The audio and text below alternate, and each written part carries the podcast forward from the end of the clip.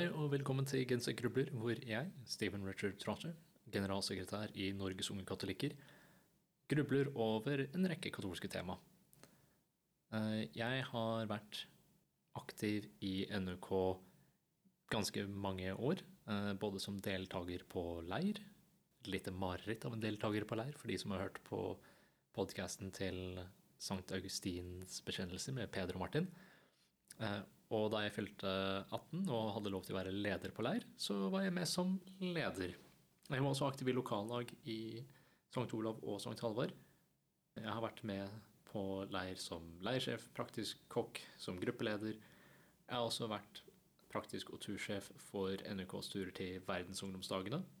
Og jeg var i en rekke år med i ledertreningsutvalget, hvor jeg holdt introduksjonskurset. Lederskap med andre ord, er noe jeg har tenkt mye på. Både hvordan jeg selv leder, men også hvordan vi skal skape gode katolske ledere. Denne podkasten blir da et virkemiddel for å utforske dette temaet ytterligere. Hva er katolsk lederskap? Hvordan gjenkjenner vi det? Og hvordan utøver vi det? I denne episoden tar jeg utgangspunkt i to hjelpemidler. Det ene er en artikkel fra en jesuittprest, George Wilson, som heter 'Leadership or Incumbency', og en presentasjon fra cardinal Joseph Tobin av erkebispedømmet Newark i New Jersey. Hva er incumbency? Eh, Jeg har valgt å oversette dette til embetskap. Det å inneha en stilling, et verv, eller det gode, gamle norske ordet et embete. Dette betegner noe som er statisk. En person kan inneha et embete uten å nødvendigvis utøve lederskap. De kan være utpekt, som f.eks. en biskop, eller valgt, som f.eks. NUKs leder. Og vervet og embetet har de uavhengig av de som egentlig er underlagt deres myndighet. Når biskopen er utpekt biskop, så er han biskop. Når NUKS-leder er NUKS-leder, så er de valgt til NUKS-leder. Etter valget så har ikke det så mye å si. Dette kjenner vi også ganske fort igjen i forholdet mellom legfolk og geistlige. Sognepresten er sognepresten. Han er utpekt av biskopen med ansvar for en menighet. Eh, Uavhengig om menigheten liker det eller ei, og sognepresten utøver den myndigheten uavhengig av legfolkets samtykke. Lederskap på den andre siden er relasjonelt. Det er avhengig av forholdet mellom lederen og de som ledes. Det er dynamisk, det er basert på situasjonen og personene.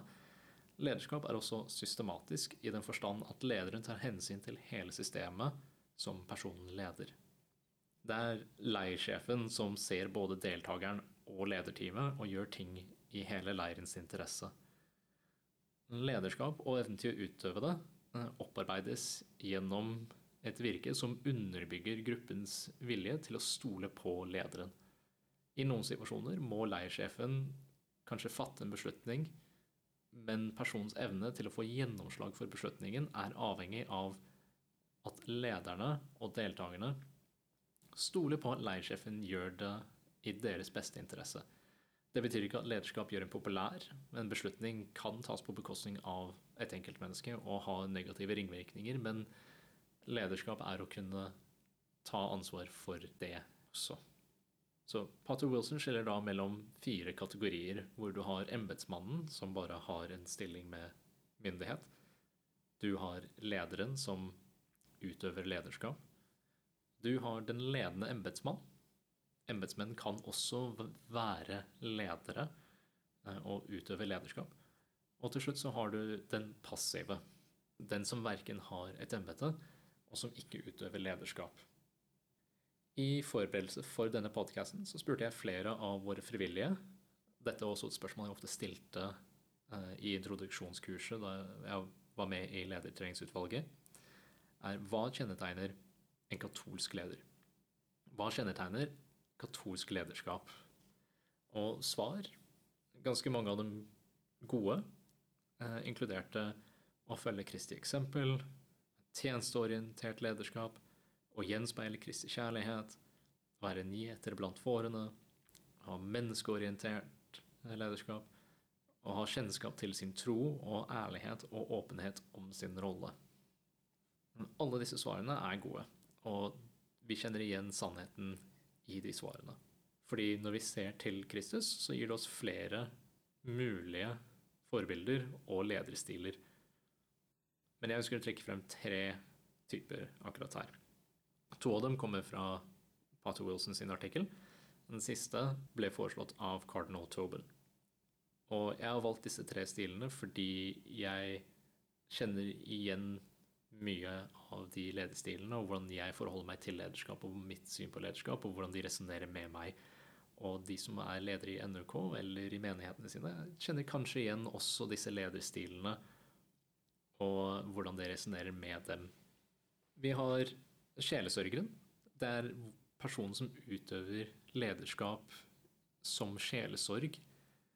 Eh, denne lederen nyter tillit fra de man har ansvar for, på bakgrunn av sin evne til å vise god sjelesorg og gi individuell og personlig oppmerksomhet og omsorg til de man har ansvar for. Vi kjenner dette igjen i Kristus, som ser de syke og de fattige og hjelper dem. Denne gode, varme lederen har mange, mange egenskaper man beundrer og respekterer. Men overdrevent fokus på denne ledestilen kan lede til et snevert fokus på mellommenneskelige og relasjonelle egenskaper Kanskje til det punktet hvor man forsømmer sitt ansvar for hele organisasjonen eller gruppen. Man får litt tunnelsyn. Type nummer to er tjeneren. Det er den som ser lederskapet sitt som en tjeneste. Lederen som er ydmyk og vet at de er kun en leder med de lededes samtykke. Det er ydmykhet og hengivenhet til gruppen som driver denne lederen fremover. Prakteksempelet her er Jesus som vasker disiplens føtter. Dette er presten på lei som ruller opp ermet og tar oppvasken, eller lederen på vidd som bærer med seg titalls liter eh, med vann så alle skal ha. Den som bærer kofferten til deltakeren som var ikke så lur og pakket i en trillekoffert Eh, og når man skal opp og ned masse trapper og slikt på T-banestasjoner i ymse land som ikke nødvendigvis har heis eller rulletrapper, så av og til må man bære, bære kofferter. Selv om regelen eh, fra VID-sjefene da jeg var på VID, var 'you pack it, you carry it'. Men noen ledere kan ikke, kan ikke noe for det. De hjelper fortsatt. Men jeg skal være ærlig og si at dette er en lederstil som jeg ofte uh, en, jeg, Dette er en lederstil jeg gjenkjenner uh, i meg selv. Dette er en måte jeg forstår mitt lederskap på når jeg utøver mitt, uh, min lederstil. At jeg ofte anser det for å være en form for tjeneste. Men denne lederstilen har også sine fallgruver. Eh, man risikerer å overbelaste lederen. De risikerer burnout fordi de er vant til å gi, og de tar ikke nødvendigvis vare på seg selv og man risikerer da å umyndiggjøre de som ledes, ved å gjøre dem til passive mottakere av lederens tjeneste. Begge disse ledertypene, både sjelesørgeren og tjeneren, etterligner Kristus. Eh, men det finnes et ordtak på engelsk som sier Imitation is the sincerest form of flattery that mediocrity can pay to greatness. Ja, Oscar Wilde, en flott irsk forfatter. Imitasjon er den mest oppriktige form for smiger middelmådighet kan gi storhet. Jeg sier ikke at uh, lederskap som sjelesorg og tjeneste er dårlig eller upassende, men ved å imitere Kristus så forsøker vi å etterligne noe guddommelig. Jesus klarte det han gjorde fordi han er helt menneske og helt Gud, mens vi er bare mennesker. Så å streve etter det betyr at vi blir bundet til middelmådighet. Vi klarer aldri å oppnå den storheten av det vi faktisk imiterer. Det er ingenting feil med middelmådighet. Jeg var en veldig middelmådig elev på skolen og universitetet. Men middelmådighet er ikke noe vi vil ha fra våre ledere. Så nå kommer vi til den siste typen. Eh, den foreslått av Cardinal Tobin. Og dette er vitne lederskap som vitnesbyrd. Her etterligner vi både Jesus, som vitnet om Guds kjærlighet, men også apostlene som vitner til Kristi virke. Her ser vi etter egenskaper som og kjennskap til sin tro, åpenhet og modenhet. Og dette kommer uavhengig av alder. Jeg kjenner 15-åringer som har utvist større kjennskap til sin tro, åpenhet og modenhet enn 50-åringer. Å se på lederskap og vitnesbyrd som knyttet betyr at lederskap er også et kall. Det er noe vi er kalt til. For meg så er det et veldig viktig eh, element som jeg syns kardinal Tobin trakk frem veldig godt, var at lederskap er et kall. Vi er alle kalt til å gjøre det, og fordi det er i visse situasjoner og ikke alltid hele tiden, så betyr det ikke at du alltid skal være på, du skal ikke alltid være en leder, men i noen situasjoner så er det du som er kalt til å lede. Og fordi det er et kall, så er også vitnesbyrd som en lederskapsstil en dypt åndelig handling. Og det forutsetter en åpenhet for å la Den hellige ånd virke gjennom oss. Vitnesbyrd er også helheten av hva vi kommuniserer. Det er ikke bare ordene vi bruker, men det er handlingene våre og det er hvordan vi er som mennesker, som gjør det viktig. Hvordan vi vitner gjennom vårt vesen, hele vesen, som er viktig. Og Vi sier jo at tillit bygges. Det krever en aktiv handling fra lederen sin side, som respekterer den som ledes. Du bygger tillit med noen. Det går alltid fortere å bygge ting når man er flere sammen om det. Men vitnesbyrd er også noe som modner over tid. Det som en forutsetning for lederskap gjennom vitnesbyrd, for at det skal være effektivt form for lederskap, er autentisitet. Å være ekte. Som en del av arbeidet mitt med verdensungdomsdagene så har jeg truffet veldig mange som jobber med barne- og ungdomsarbeid, katolsk barne- og ungdomsarbeid i en rekke land. Være det Irland, Storbritannia, Polen, Italia, Tyskland og en hel haug med andre land.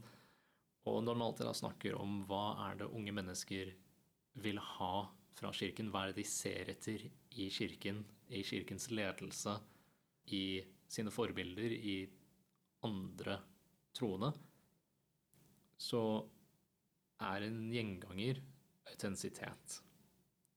Den oppriktigheten at når de ser deg, så føler de at den troen du har og du deler, er ekte og genuin. Men en av grunnene til at jeg liker lederskap gjennom vitnesbyrd, eller vitnesbyrd som en lederskapsstil, mer enn jeg liker de to andre, eh, som sjelesørgeren eller som tjeneren, er at dette er en lederskapsstil som er åpen for alle. Sjelesorgsstilen krever en veldig spesifikk type personlighet som er empatisk, kanskje utadvendt og litt mer karismatisk og omsorgsfull. Og ikke alle sammen er det. Så det, er vanskelig å utøve den lederstilen hvis folk forventer den, hvis ikke du har de personlighetstrekkene som gjør det naturlig for deg. Tjeneren krever på sin side utholdenhet og visdom. Du må vite når du skal motta og ikke bare gi. Men det krever også da bare evnen til å fortsette å gi eh, og rett og slett holde ut. Men det vitnesbyrd krever, er bare at du er deg selv. Helt og holdent. Du er deg selv, og du lever et liv inspirert av Kristus. På samme måte som en apostel, og du er da villig til å følge ham. Fordi det er at du er deg selv, betyr det at din utøvelse av lederskap gjennom vitnesbyrd er helt unik og din egen. Det finnes ingen andre ledere som deg, eller som kan lede som du gjør. Fordi du, skapt i Guds bilde, helt unik, helt egen, har et helt eget sett med egenskaper og personlighetstrekk som gjør deg utstyrt til å lede på din måte. Og det er ganske fint. Det er veldig deilig å høre at du kan være en leder på din måte, og ikke nødvendigvis på den måten andre er. Jeg husker da jeg ble spurt om å være praktisk for verdensungdomsdagen til Krakow. Det var Stefan Bivan som spurte meg om å være praktisk. Så snakket jeg med en tidligere Vidsjef og en veldig god venn, Pedro Barrera, om at jeg hadde blitt spurt til å være praktisk. Og jeg hadde vært med på turen Pedro arrangerte til Madrid og til Rio.